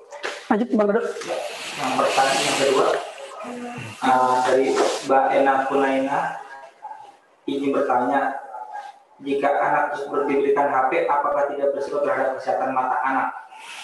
HP, ibu, anak saya tidak megang HP. Saya nggak perlu khawatir. Saya bilang pada anak saya, kamu boleh main HP. Tapi ingat, di HP itu isinya gambar, game. Di Amerika, anak-anak 1 sampai 10 tahun gambar aja kerjanya. Yang bagus digitalisasi, menjadi video game. Yang lebih bagus lagi masuk ke studio Hollywood. Ada DreamWorks dan lain-lain, Disney dan lain-lain. Itu menjadi film-film kartun. Dulu penghasilannya 305 triliun, Monster Inc. Ibu, ibu kebayang nggak kalau ibu punya anak, gajinya udah triliun. Nah itu dari sekarang anak-anak ikro bismi tadi aku udah bilang. Coba jawab pertanyaanku ya. Anak kecil baru bisa berjalan. Kira-kira usianya berapa tahun? Satu. Satu tahun dikasih spidol, apakah dia sudah bisa menulis, Belum. membaca, Belum. menghitung Belum. dengan spidol apa yang dia bisa Gambar. gambar, Gambar. coret-coret. Kenapa sekarang wajib kita cat listo? Marah ini saya. Marah, Marah ini saya. Ikro bismillahirrahmanirrahim. Allah nyuruh kita melihat bacaan-bacaan yang berserakan. Anak-anak tuh coret-coret di dinding, di sekolah, di meja. Tandanya ajarin dulu gambar. Guru PAUD nggak bisa gambar, jangan jadi guru PAUD. Jangan. Setiap penemuan di atas muka bumi ini diawali dari gambar. Ini masjid, di bawah masjid. Keren masjidnya. Digambar dulu apa dihitung dulu? Gambar dulu. Digambar dulu. Waktu saudara menemukan pesawat terbang. Digambar dulu. Ketika kita didoktrin jangan gambar, nah apalagi sekolah-sekolah Islam, ntar suruh ngidupin lo kata Ustaz. Ya. Akhirnya anak-anak tidak mau gambar. Lalu anak-anak tidak ada lagi penemuan di tangan-tangan orang Islam. Penemuan-penemuan baru di zaman kekhalifahan yang berjaya itu dulu, tidak ada. Kita menjadi negara pendompleng, bangsa endonis, bangsa aduh pengikut bukan eh, bukan apa namanya panutan aku tahu itu ayatnya itu memang apa eh, hadisnya mereka tidak akan pernah masuk ke dalam rumah yang ada gambar patung dan anjingnya sudah dijelaskan juga oleh Gus Baha aku senang banget ini dulu aku ngomong sendiri sekarang ada Gus Baha makin seger aku yang dimaksud dengan anjing itu sifatnya menggonggong kalau bukan dari partainya, majelisnya, sekolahnya digonggong itu. Menjilat biar dilihat itu sifatnya. Patung. Patung itu bukan bentuknya. Masa Anda berhenti di patung Sudirman hormat? Enggak ada. Sekarang berhala itu ATM. Mah kalau 200 juta mungkin hidup kita tenang nih. Bukan itu. Patung itu sifatmu yang tidak pernah berubah. Membeku. Udah ada dunia maya. Udah ada Instagram, ada Twitter, udah ada yang lain-lain Anda masih aja baperan. Ah, gue nggak mau gitu-gituan. Salah kita. Nah, rumah itu adalah hatimu. Jadi malaikat tidak akan pernah masuk ke dalam hati yang di rumahnya itu rumah hatimu itu ya ada gambaran-gambaran seperti itu. Jadi kalau dikaitkan dengan gadget tadi, kita mungkin harus bijak juga kali ya. Om. Iya loh, gambar dulu aja bikin, digerakin, gambarnya bisa digerak-gerakin. Kan pernah tuh kita belajar. Masa nggak pernah belajar? Ini halaman ini lagi angkat besi, halaman keduanya besinya iya, iya, angkat. iya, iya. Iya. Ayo anak-anak bikin bikin dong kartun. Brrrr. Ini kan semua jadi digitalisasi, jadi kartun, jadi eh, komik eh, strip. Ya, jadi boleh main main eh, digital ya kalau udah 10 tahun. Ya, tapi kalau kau bisa mengatasi ini jangan karena ada berisik dikasih HP. Bagiku anak-anakku tidak begitu. Kecuali mungkin yang kondisi saat ini kan memang eh, siswa PAUD juga pakai gadget ya. Ya, memang kita tidak bisa menghindari itu. Ya, sekarang udah zamannya, apalagi sekarang dipaksa kita semuanya beralih. Baik keuangan, perbankan, semuanya kita semua di tangan kita di HP kita. Ya, tapi kalau kamu ingin tahu rahasianya, nggak usah ikut-ikutan. Yes. Nggak usah ikut-ikutan, tenang-tenang saja. Ada Allah. Allah itu maha hebat, maha melindungi. Apa hebatnya Allah kita sujud? Apa hebatnya Allah kita harus berbuat baik? Allah itu maha hebat. Karena dia maha hebat, jangan segala sesuatunya kita urusin semuanya gitu loh. Serahkan kepada Allah. Kalau kita khawatir baca Al-Fatihah. Ada lagi? Mungkin Edo? Uh, minta tips agar menjadi guru yang dicintai muridnya sama uh, bagaimana agar mendapat anak pintar doanya bagaimana doa doa, doa untuk mendapatkan anak yang pintar? Gitu. Baik, yang pertama guru simpel, jadilah orang tua. Yang kedua, jadilah sahabat bagi anak-anak. Yang ketiga, teman bermain. Ya, ya. Sudah jelas ya ini. Orang tua, sahabat, dan teman bermain. Ini Iya. kunci supaya kita dicintai. Iya, tiga hal. Yang berikut tadi, Ryan. Bagaimana cara doa atau membuat anak pintar? Ya. Bu, doa itu jangan nyuruh-nyuruh Allah. Ya Allah, mudah-mudahan anak saya pinter-pinter. Ya Allah, kata Allah, suruh belajar. doa itu tidak nyuruh Allah. Doa itu dalam tingkat out, minta pada Allah. Dalam tingkat kuliahan, doa itu cara kita bersyukur. Eh, sorry, cara kita berhadapan hati dengan Allah. Berhadapan hati dengan Allah. Tapi kalau kita sudah tua-tua gini, itu cara kita bersyukur. Nggak minta, Bang Dik. Minta juga.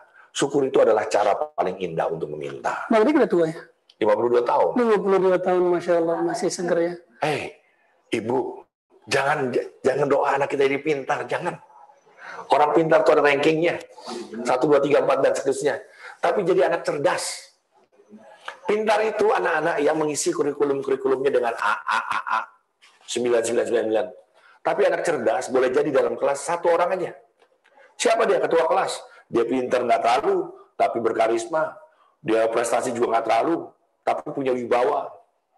Jadi pintar itu orang yang menguasai ilmu, tapi cerdas itu ilmunya sudah menjelma menjadi kemaslahatan orang banyak. Astagfirullahaladzim. Silakan. Lagi? Enggak? Bagaimana menjelaskan ke orang tua murid kalau online itu juga sama dengan tatap muka? Ortu selalu bilang kalau online itu libur, padahal kita udah capek-capek bikin bahan. Ada curhatannya Om. Gimana Om? Guru-guru, dengar pertanyaan tadi.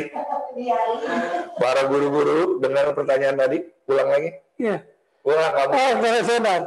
Eh, jadi pada Bagaimana Iya, menjelaskan? iya. Bagaimana menjelaskan kepada orang tua kalau online itu sebenarnya belajar, bukan eh seperti tatap muka, bukan berlibur. Jadi guru udah capek-capek ternyata dianggapnya libur gitu. Oke, mau tahu jawaban saya? Sudah nasibmu nak. Ada si guru begitu ngajar, begitu waktu belajar ngasih soal aja, tinggal anak-anaknya. Banyak itu, sekarang baru rasa ini kayak perjanjiannya. Hmm, hmm. Ya kan, ada urusan yang Astagfirullah. Iya, mohon maaf ya Bu ya, saya pengalaman bener nih. Jadi pada kasih pertanyaan pasti tinggal ya. Iya, tinggal soal tinggal aja. Aduh, guru-guru sekarang ini nih pandemi ini benar-benar memulihkan lagi. Ya, pikiran kita yang merasa paling benar, main tinggal tanggung jawab tanggung jawab kita ini di hadapan Allah, bukan di depan kepala sekolah. Ya, jadi sekali lagi ini penderitaan yang harus kita nikmati karena penderitaan itu adalah singgah sananya Allah bertahta di situ. Siapa yang mau menerima penderitaan ini dianggaplah bukan belajar, udah ngerjain soal susah-susah, ya bikin modul-modul nggak dianggap ya. Nikahilah penderita itu dengan berikhlas. Pasti yang terakhir adalah kebahagiaan. Sama-sama kita harus lewati ini semua ya. Jangan memaksa untuk tetap menjadi guru ayo kita paksa diri kita dengan kesehatan kita untuk berniaga yang lain, tapi gurunya sekali lagi tidak boleh ditinggalkan. Bersabar, bersyukur, muncul ikhlas. ikhlas. Pernikahan, eh kamu cinta nggak sama anak kamu? Cinta dong, Sama istrimu? cinta dong. Bagian terberat dari menyintai adalah bersabar. Oke, jadi kalau kamu punya istri yang bawel, bersabarlah. Jangan-jangan istrimu itu adalah cara paling cepat menuju kehadiran Allah sehingga kau menjadi wali Allah. Cuma gara-gara istri yang bawel kan gitu. Cuma kalau saya gini om, Apa? saya bersyukur dapat istri saya. Istri saya sabar banget dapat saya om. Iya, iya, iya. Ya. Oke, ada lagi. Berapa anakmu? Eh, tiga om. Tiga. Tiga. Istri? Eh, perlu dijelasin di sini. Aduh. lagi. Om ada yang nanya media sosial Om Iqbal apa aja sih? Boleh di-share ya? At DD Instagramnya. At DD Jadi itu de- de- data-data gitu ya. data ya. At ya. Ya. Kalau dibaca jadi at ya. Ya. At DD underscore dik doang pakai K semua. Oke. Dik doang pakai K belakangnya jadi ya. Oke. YouTube nggak? Hah? YouTube YouTube eh nanti kan kerjasama sama Rumi kayaknya. Enggak, enggak, enggak. Aku lagi ju- justru sebenarnya justru ingin menghindar dari dunia maya saya. Kalau saya nih, Hmm. karena ada yang saya pelajari gitu. Tapi karena saya terkait dengan goa, terkait dengan kandang jurang Tetap goa, harus ada ya. ya tetap harus ada orang mencari materi-materi di situ. Hmm. Jadi saya emang simalakama mundur salah nggak mundur salah. Tapi Karena kata guru saya, dik doang, mohon izin ya, doaan Hmm. saya, astagfirullah. Kamu tidak perlu gitu-gituan. Kamu harus belajar langsung kepada Allah. Jadi nggak usah ada promo-promo kebaikan, pokoknya yakinlah Allah akan menunjuk. Nah, Ada guru yang ngajar ngomong gitu. Ternyata benar juga ketika aku nggak main setahun gitu, tetap aja kerjaan banyak gitu ya. Masya Allah. Nah, Tapi tapi ini tidak semua untuk orang. Tapi mungkin sosmed itu bagian dari tahadus binimah mungkin om. Hmm? Bagi, eh, medsos yang ada itu bagian dari tahadus binimah menceritakan supaya orang terinspirasi terhadap kebaikan-kebaikan yang dilakukan oleh om gitu. Satu hal gini, Al-Quran mengatakan berbuatlah baik secara terang-terangan atau sembunyi-sembunyi. Oke. Ya, terang-terangan kalau ada nilai majelis taklimnya. Yep. Ya, sembunyi kalau ada tiga, lo kasih dua. Tunggu yang satu pulang dulu, diem-diem kita kasih gitu ya. Tapi apa dengan kata ria? Ya kan? Yes. Nah, ria itu, Tipis banget ya. Ria itu orang berbuat baik, ya kamu komentarin. Ya. Wah, gue juga bisa eh, pakai pamer-pamer. Nah, yang dosa itu yang ria itu yang begitu. Ngomentarin perbuatan orang, terlalu sibuk ngurusin orang lain. Sekarang banyak profesi itu netizen. Nah, iya, berbuat enggak, tapi tetap ada kerjaannya. Dia secara teknis nggak tahu, prakteknya juga nggak tahu. Hmm. Tapi kan ada juga profesinya tukang celah. Astagfirullah, mudah-mudahan kita terhindar dari itu semua ya om ya. Amin. Oke, ada lagi? Bang Dad? Kalau belum saya mau nanya nih. Ada. Jadi gini nih Om. Ini kan memang eh, di masa pandemi ya. Kalau kita berkaca dari sebuah statement Ki Hajar Dewantara yang mengatakan eh ingat kan ya yang ingkarso, i, eh, jadi lupa deh. Iya, ngarsa ya. Nah, ing ngarsa sungtulodo, ing madio mangun karsa dan tuturi handayani. Artinya itu kan yang namanya guru sebagai inspirator dulu sebelum masa pandemi kan kita bisa memperlihatkan langsung ya. Jadi oh guru saya kayak begini, oh ini kayak begini. Di masa pandemi gimana kita bisa jadi inspirasi buat ini murid-murid kita? bagus nih, pertanyaan luar biasa. Pinter nih. Terus gimana kita dengan Rasulullah? Hidupnya di abad yang lain. Nggak ngeliat langsung tuh gimana ceritanya. Percayalah, guru yang mendapatkan, ya ulang ya, ulang ya. Hmm, hmm, hmm, hmm. Ilmu adalah cahaya dan cahaya adalah nur. Nur itu tersimpan dalam intisari hati bernama kolbu. Kalau ilmumu tadi didapat dari al-alim, maka kau akan bercahaya. Kamu di gunung mana pun gelap, sebagai cahaya, kamu akan dicari oleh orang. Jadi terhadap Zoom ini, kamu tetap akan didengar. Bukankah artis-artis atau pemain teater udah bermigrasi dulu? Teater bermigrasi menjadi film. Ya kan tadinya kan di di podium-podium gitu ya. Podium-podium. Iya, sekarang artis-artis kan udah bermigrasi duluan ke televisi. Nah sekarang guru-guru yang bermigrasi ke dunia eh, laptop, HP, ya sama-sama. Apa hebatnya?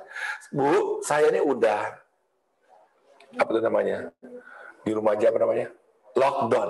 Saya udah lockdown dari tahun 2006. Saya udah meninggalkan dunia entertain. Jadi nggak ada hebatnya ini lockdown. ibu dapatnya ratusan juta ibu. Saya udah tinggal ini ya Allah ya Rahman ya Rahim. Udahlah. Nanti Titik baliknya kenapa dong? Ada Ya peristiwa? karena aku ditipu oleh dunia entertain. Hmm. Ada lampu softbox, ada lampu snoot, ada HMI, ada lampu strobo. Itu ternyata cahaya-cahaya kepalsuan. Ternyata aku gampangnya. Aku bimbang dalam hidup ini.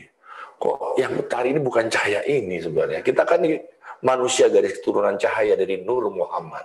Harusnya kita mencari sumber cahaya di atas cahaya yang maha bercahaya. Nah aku nggak bisa. Yang lain bisa nggak apa-apa. Aku nggak bisa, makanya kamu mundur untuk melihat lagi. Aku tersesat di jalan bukan yang irtinya syarab, mau mustaqim. Seberapa drop dan seberapa lama tuh sampai bener-bener Om, kan pasti dari sisi penghasilan tuh drop banget ya Om. ya? Ya udahlah, ya.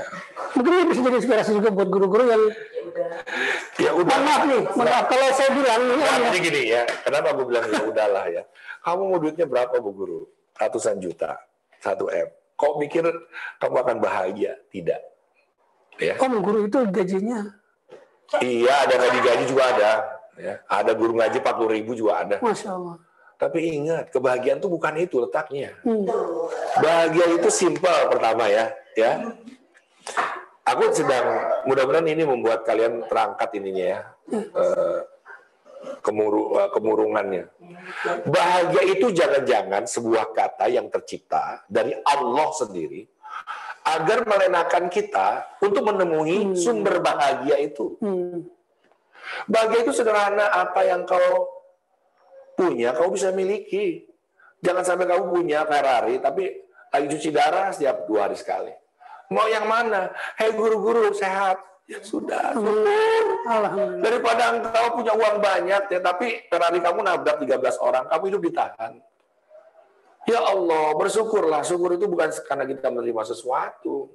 Bersyukur itu tanpa harus menerima sesuatu, bahkan musibah pun kita bersyukur gitu loh. Satu mungkin Om pertanyaannya. Menghilangkan rasa takut yang kayak begitu. Ya kamu sholat, Oke. benar sholat. Puasa juga, masya Allah. Sedekah, iya. Tapi kok khawatir? Terus apa dengan ibadah-ibadah kita? Itu yang disebut ibadah. Ibadah itu menghilangkan kekhawatiran kita. Hmm. Karena ketika engkau sujud, bukankah kepalamu merendahkan serendah-rendahnya? Tidak ada lagi tempat kamu untuk merendah. Sudah rendah. Di hadapan yang maha tinggi. Jadi kalau engkau masih direndahkan, padahal kamu sudah rendah, maka yang maha tinggi akan berurusan. Ngapain kamu jawab lagi? Puasa kamu kebenaran. Jangan merasa benar. Karena apabila engkau benar, kami kamu dianggap salah. Maka yang maha benar akan menyelinap sebagai kebenaran kita yang absolut. Saya orang sekali lagi, kau tidak salah, tapi kau dianggap salah. Bahkan kau mencurigai kebenaran kamu sebagai sebuah pembenaran. Ya sudah, kamu jangan merasa diri kamu benar. Saat kamu tidak salah, ya, dianggap salah, maka yang maha benar akan menyelinap sebagai kebenaran yang absolut di hati kamu. Lalu kau menjadi kebenarannya yang mutlak. Apa yang kau katakan tidak ada yang mungkin meleset. Paham Bu? Kalau saya masih menurut pemikiran Ibu nih. Jadi nanti mungkin Ibu bisa lihat juga di YouTube, ini akan diulang terus. Sebenarnya pelajaran-pelajaran ini bukan bisa kita pelajari dengan singkat lewat Zoom meeting atau lewat YouTube ya. Tapi mungkin kita perlu kesinambungan gitu ya Om ya. Makanya tadi aku bilang ada dua ilmu, bulan dan matahari. Yes. Kalau kamu ikhlas, gampang mencernanya. Sebelum sampai Ya, ya sudah. Belajarlah engkau. Awalnya bodoh, lalu gelisah. Belajar jadi pintar. Yang pertama. Hmm. Yang kedua, bodohnya sama, belajarnya sama, pintarnya sama, tapi dia belajar lagi jadi rendah hati. Lu pilih mana? Awalnya bodoh, kemudian Pertama, pintar. yang kedua. Yang kedua dong. Yang ketiga, iya, iya, iya, iya, iya. Yang ketiga, bodohnya sama, belajarnya sama, pintarnya sama. Belajar lagi terus menjadi rendah hati. Dan dia terus belajar lagi. Pada akhirnya dia menjadi orang yang paling tahu kalau sesungguhnya dia tidak tahu apa-apa. Lalu ketika dia rendah hati untuk menjadi tidak tahu apa-apa, Allah yang maha berilmu menjadi pengetahuannya. Kau tidak beban dengan segala pengetahuanmu, tidak ingin terlihat pintar, bahkan kau ingin menyengaja dirimu terlihat bodoh. Tapi kau adalah orang yang paling tahu apa yang harus kamu lakukan. Dan saat kamu bicara, kamu seperti diberikan teleprompter oleh Allah, kau tinggal membaca bait-bait cintanya doang. Apa yang kamu terlalu beban untuk menjadi orang yang cerdas dianggap karena kecerdasan itu kamu menjadi orang yang unggul, enggak usah lah. Enggak usah, biasa-biasa aja. Malah kelihatan kita menjadi si toing, anak blow on. Tapi kita enggak pernah salah berbuat sesuatu. Hmm, mantap. Saya rawat ya, saya pilih nomor tiga. Jadi, jadi guru-guru, kalau Anda punya ilmu tiga nih, Anda sesungguhnya adalah orang yang tahu bahwa dirinya tidak tahu apa-apa. Dan ke kelas nih, nggak umat ngajar apa ya? Nggak penting itu ngajar apa.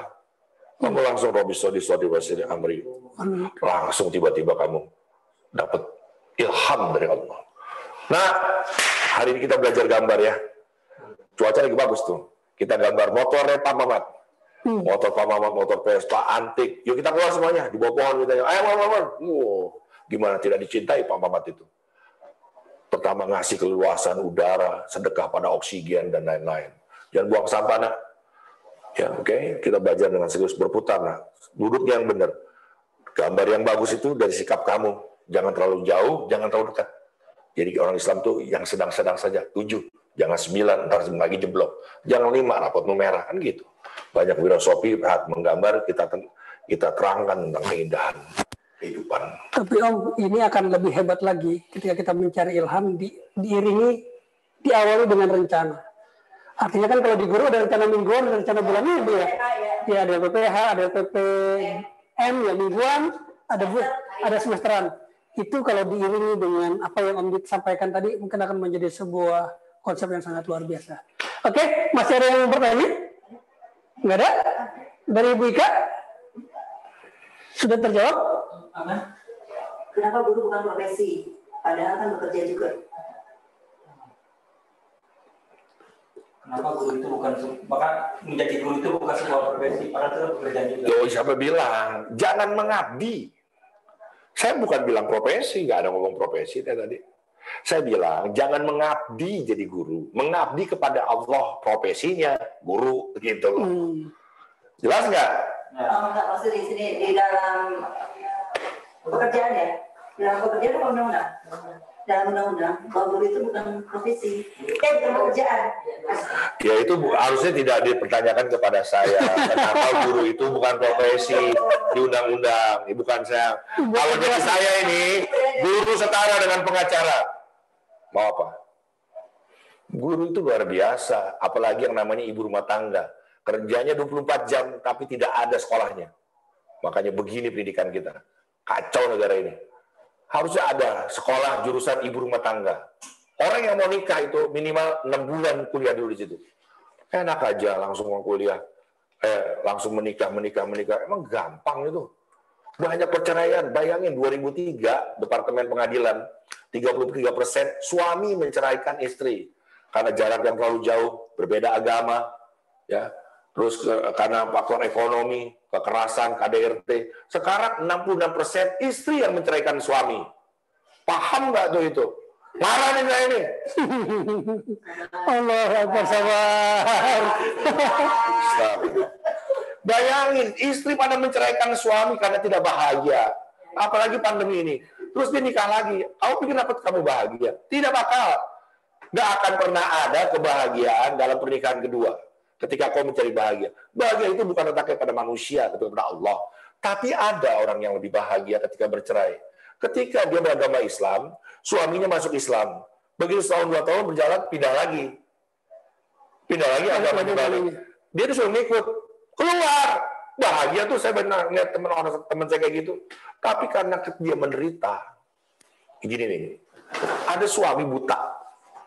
Kenapa? Darah tinggi. Sampai buta, marahin istrinya terus. Siapa yang kuat? Istri mana yang kuat? Tapi ingat, Allah sudah menulis kau bakal dapat suami darah tinggi dan buta. Tiba-tiba dia nggak kuat dia cerai. Dapat suami yang normal, bisa melihat. Tapi sekarang main tendang, main pukul, banting bareng, cerai lagi. Emang hidup ini apa? Ada orang kelas 3 SD, seorang ayah. Saat ojek menjadi gojek, dia tidak bisa mengikuti digital- digitalisasi. Cerai, rupanya tangganya berantakan karena miskin merawat bangsa. Sekarang nikah lagi. Alhamdulillah. Anak-anak di sekolahin sampai kuliah. Berarti salah dong saya. Tuh ada yang bahagia. Ternyata sekarang di mana? Cerai lagi. Kenapa? Itu anak-anak di sekolahinnya dari bandar narkoba. Allah. Terus saya berdebat sama istri saya. Tapi kan dia sayang pada anak sampai nyokolain. Nyokolain. Eh sebentar dulu.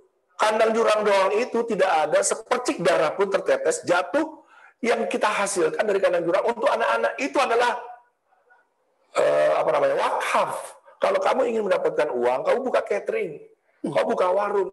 Jadi kalau ada orang besar, terus karena hasilnya jadi maaf ya maaf ya bu dari PSK melacur, main judi, aduh saya pertanyakan bu, kita belajarlah belajar filsafat pendidikan Islam, tolong belajarlah.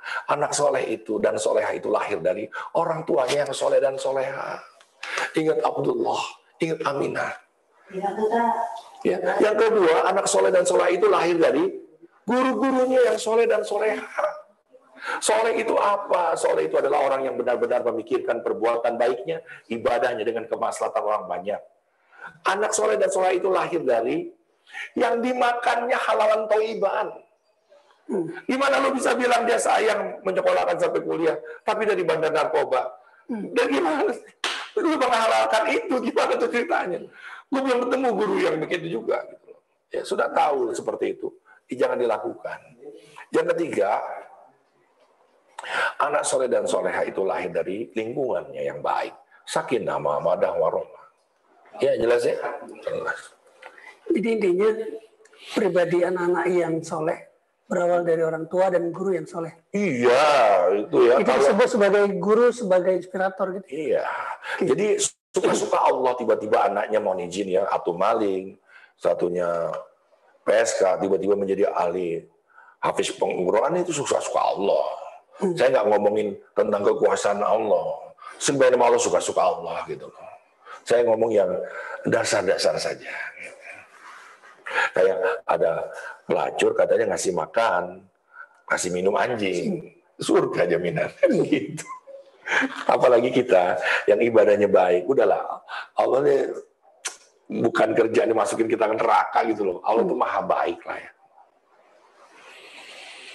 Ada lagi? Cukup? Eh, Bu Rida, ada pertanyaan terakhir? Ya, kenapa namanya Om Ganteng? ada yang nanya kenapa namanya Om Ganteng. Masa Om cantik? Sama, salam dari Tua Ijal, teman sekolah katanya. Oh, Salam lagi buat Ijal. Ijal, Tua Ijal. Wah Ijal. Oh, iya. Wah, Wah Ijal tuh. Wah, kalau Wah Ijal ya dia eh, bos cupang ikan cupang. Wah, sekarang lagi rame ya, lagi viral. Aku aku simpati dengan orang-orang yang miara cupang sekarang karena cupang ini naik derajatnya. Dulu kan diadu, ya, sekarang dikontes saja. Kontes, kontes. Makanya aku respect ya. Apa bedanya dengan dia ngadu eh, ayam? Kan gitu. Di Depok ada namanya Kong Jali. Dia juga luar biasa dulu pengusaha itu pengaduan sekarang jadi cupang kontes untuk kecantikan. Iya, Wah, tapi jangan lupa punya istri yang mau diurus dulu gitu loh. Jangan cuma. Istri kan juga seneng. Ya betul. Oke, eh, ayah bunda sekalian, eh, sudah banyak ilmu yang kita dapatkan. Mudah-mudahan ini, bisa menjadi apa ya brainstorm kita lah bahwa pandemi ini tidak perlu membuat kita khawatir, tapi justru malah kita mengubah mindset kita semua bahwa kekhawatiran itu kita serahkan ke Allah. Tadi bersyukur, sorry sabar, bersyukur dan menjadi ilmu ikhlas. Mungkin dari Om Ganteng ada closing statement eh, supaya ayah bunda yang menjadi eh, guru-guru PAUD di Sukma Jaya atau di Depok atau di mana pun yang mendengarkan dan menyaksikan eh, webinar kita pada kali ini mendapatkan inspirasi dan pencerahan. Maka, Guru Sukma aja ya. Sukma Jaya. Wow. Gini ya, eh, pertama saling memaafkan dan saling mendoakan. Yang kedua, terlalu banyak kehidupan ini kalau kita geluti hanya sebagai seorang guru saja. Sekarang banyak orang mencari tanaman, ikan saja diburu orang.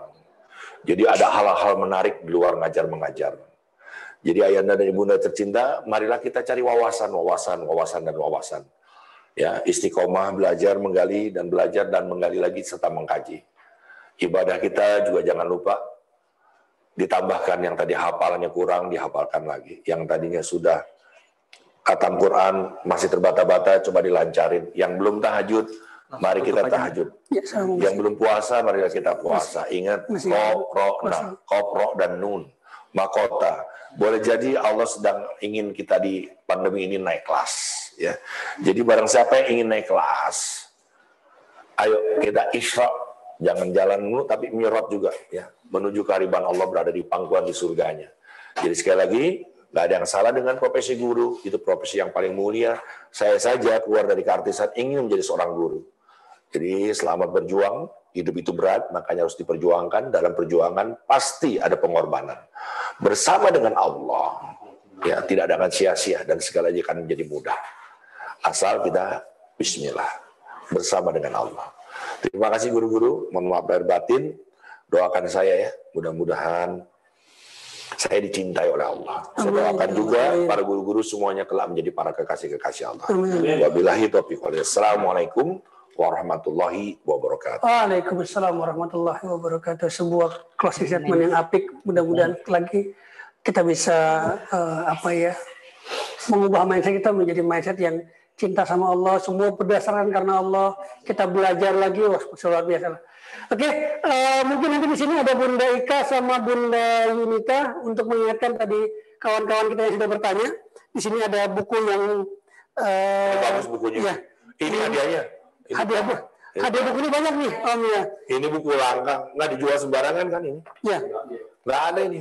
Saya Terima kasih Pak saya, saya udah baca ini berkali-kali bunda, simpel sekali untuk didongeng apa, diceritakan kepada anak-anak kita. Hmm, ya. Jadi beruntung ya bagi anda yang sudah bertanya, ayah bunda di sini langsung mendapatkan giveaway langsung. Eh tahu nggak kelebihannya ini? Gimana? Om, Nabi ada berapa? Yang kita apa? yang kita tahu 25. Di sini lebih. Yang kita wajib ketahui. Iya di sini lebih. Ya dari Adam, ya ada Liza, wah lebih ya pokoknya ya. Lebih kalau salah ya. Iya. 33 di situ. Yang diceritakan di buku ini ya. Iya, yang diceritakan di buku ini ya. Lebih. Ya. Ini kalau nggak salah ini istrinya guru kita ya. Nazim. Haji Amin Adil ya. Apa nih? Masih ada, masih hidup ya. Sudah meninggal Lina ya. Al-Fatihah buat dia ya. Fatihah. Bagus ini. Ya. Wah keren keren. Bang Muksin ada berapa nih? Kalau bagi kawan-kawan yang masih mau dapat Eh, belum kesempatan? ini aku bikin hardcover mana? Khusus ya. Wah, luar biasa. Karena saya cinta banget sama Nanti eh, ini eh, buku diwakafkan langsung dari eh, Rumi ya, dari Bang Muksin. Masih ada beberapa, tadi yang udah bertanya, ayah bunda. Bunda-bunda yang sudah bertanya langsung akan mendapatkan buku ini. Nanti daftarkan langsung ke Bu Yunita ya. Nanti diambil di Bu dan mendapatkan tangan dan mendapat tangan tangan dari Muksin langsung. Oh, Jangan, jangan. bukan bukan buku saya. Dari Muksin sendiri. Ya. ya, oke. Eh, sebelum kita tutup, ini ada kenang-kenangan nih. Bukan kenang-kenangan, ini ada sebuah plakat dari kan keturunan cahaya dari Nur Muhammad. Ternyata itu tentang perjalanan cahaya terus kan ya. Tuh. Dan cahaya itu diteruskan. Wah, luar biasa. Aduh, udah seru banget ya. Yang nggak ada kayaknya, tuh, diteruskan lagi cahaya lagi. Allah. The amazing. Iya. Amazing. Oke, ini mau ngasih Bunda Yunita langsung? Oh, mangga silakan. Frame-nya masih muat kan? Mangga, sebelum kita tutup, Bunda Yunita tuh memberikan ini. Mangga. Wanita ya, wanita ya. Ya, mangga silakan. Lo mulai. Berdiri nggak? Om yang Mau diri nggak kena. Oh, karena ya. Ini dari kita. Kena kena om. Ya. Jadi nanti setiapnya harus dipajang. Bu, ada koknya nggak kok? Kok apa sih? Ya main. Banget dah. Ini namanya Om Om ganteng. Ya Ya, eh. jangan begitu kali Om. Guru-guru, jangan terlalu serius. Orang serius nggak kreatif. Foto cheers. Satu, dua, tiga. Ya. Ika kan, Mbak, ya, Mbak Anita, Mbak Ika. Nih Ika nih, temen gue nih. Teman. Nih, jarang belajar dulu ke kantin terus. ya, sekarang dia sadar jadi guru. Oke ya Om. Oke, Nanti saya waktu diundang lagi mau ya? siap, siap, Bismillah. Oke, ayah bunda. Terakhir sebelum kita tutup, Bang Dik, mohon doa ya. Pimpin doa. Astagfirullahaladzim, astagfirullahaladzim, astagfirullahaladzim, astagfirullah. Ya Allah, Ya Rahman, Ya Rahim, Ya Salam, Ya Kudus, Ya Malik, Ya Musawir, Ya Mudakabir, Ya Zabar, Ya Bari, Ya Ghafar, Ya Ghar. Ya Allah, yang maha melihat dan mendengar, tidak banyak ya Allah dalam doa ini. Yang kami ingin sampaikan, apalagi kami menyuruh-nyuruh engkau ya Allah. Kecuali andai kami boleh memohon. Jadikanlah semua orang-orang yang mengaminkan doaku, kelak menjadi para kekasih-kekasihmu ya Allah. Kau maha kaya ya Allah, tidak mungkin dia dimiskinkan apabila cintanya diterima oleh engkau ya Allah. Kau yang maha melindungi ya Allah, tidak mungkin mereka terkena pandemi ya Allah. Ya Allah ya Rahman Rahim, izinkanlah kami semua membaca surat cinta yang dikirim dari yang maha pencinta hmm. untuk yang dicintanya saja. Hmm. Ini adalah samudra ilahi tanpa batas, hmm. di mana kekasih ingin berjumpa dengan kekasihnya hmm. di dalam kemesraan ya Allah. Ya Allah, syahadu an la ilaha illallah Muhammad Rasulullah al-Fatihah. A'udzu billahi minasyaitonir rajim. Bismillahirrahmanirrahim. Alhamdulillahirabbil alamin arrahmanir rahim maliki yaumiddin. Iyyaka na'budu wa iyyaka nasta'in. Ihdinash shiratal mustaqim. صراط الذين أنعمت عليهم غير المغضوب عليهم ولا الضالين Rabbana atina fid dunya hasanah wa fil akhirati hasanah wa qina azabannar. Allah ya Rabb. Qabul ya Rabb. آمين يا الله Qabul ya Rabb. Amin. Amin. Amin ya rabbal alamin. Oke, eh, kita tutup dengan doa kafaratul majlis. Subhanakallahumma wa bihamdika asyhadu an la ilaha illa anta astaghfiruka wa atubu ilaik. Mohon maaf kalau kami berdua mengucapkan kata-kata yang kasar, tolong dimaklumi karena kami kedua malu kasar bukan malu halus. Assalamualaikum warahmatullahi wabarakatuh. Uh, makin melekat. Endorse, endorse. Waalaikumsalam.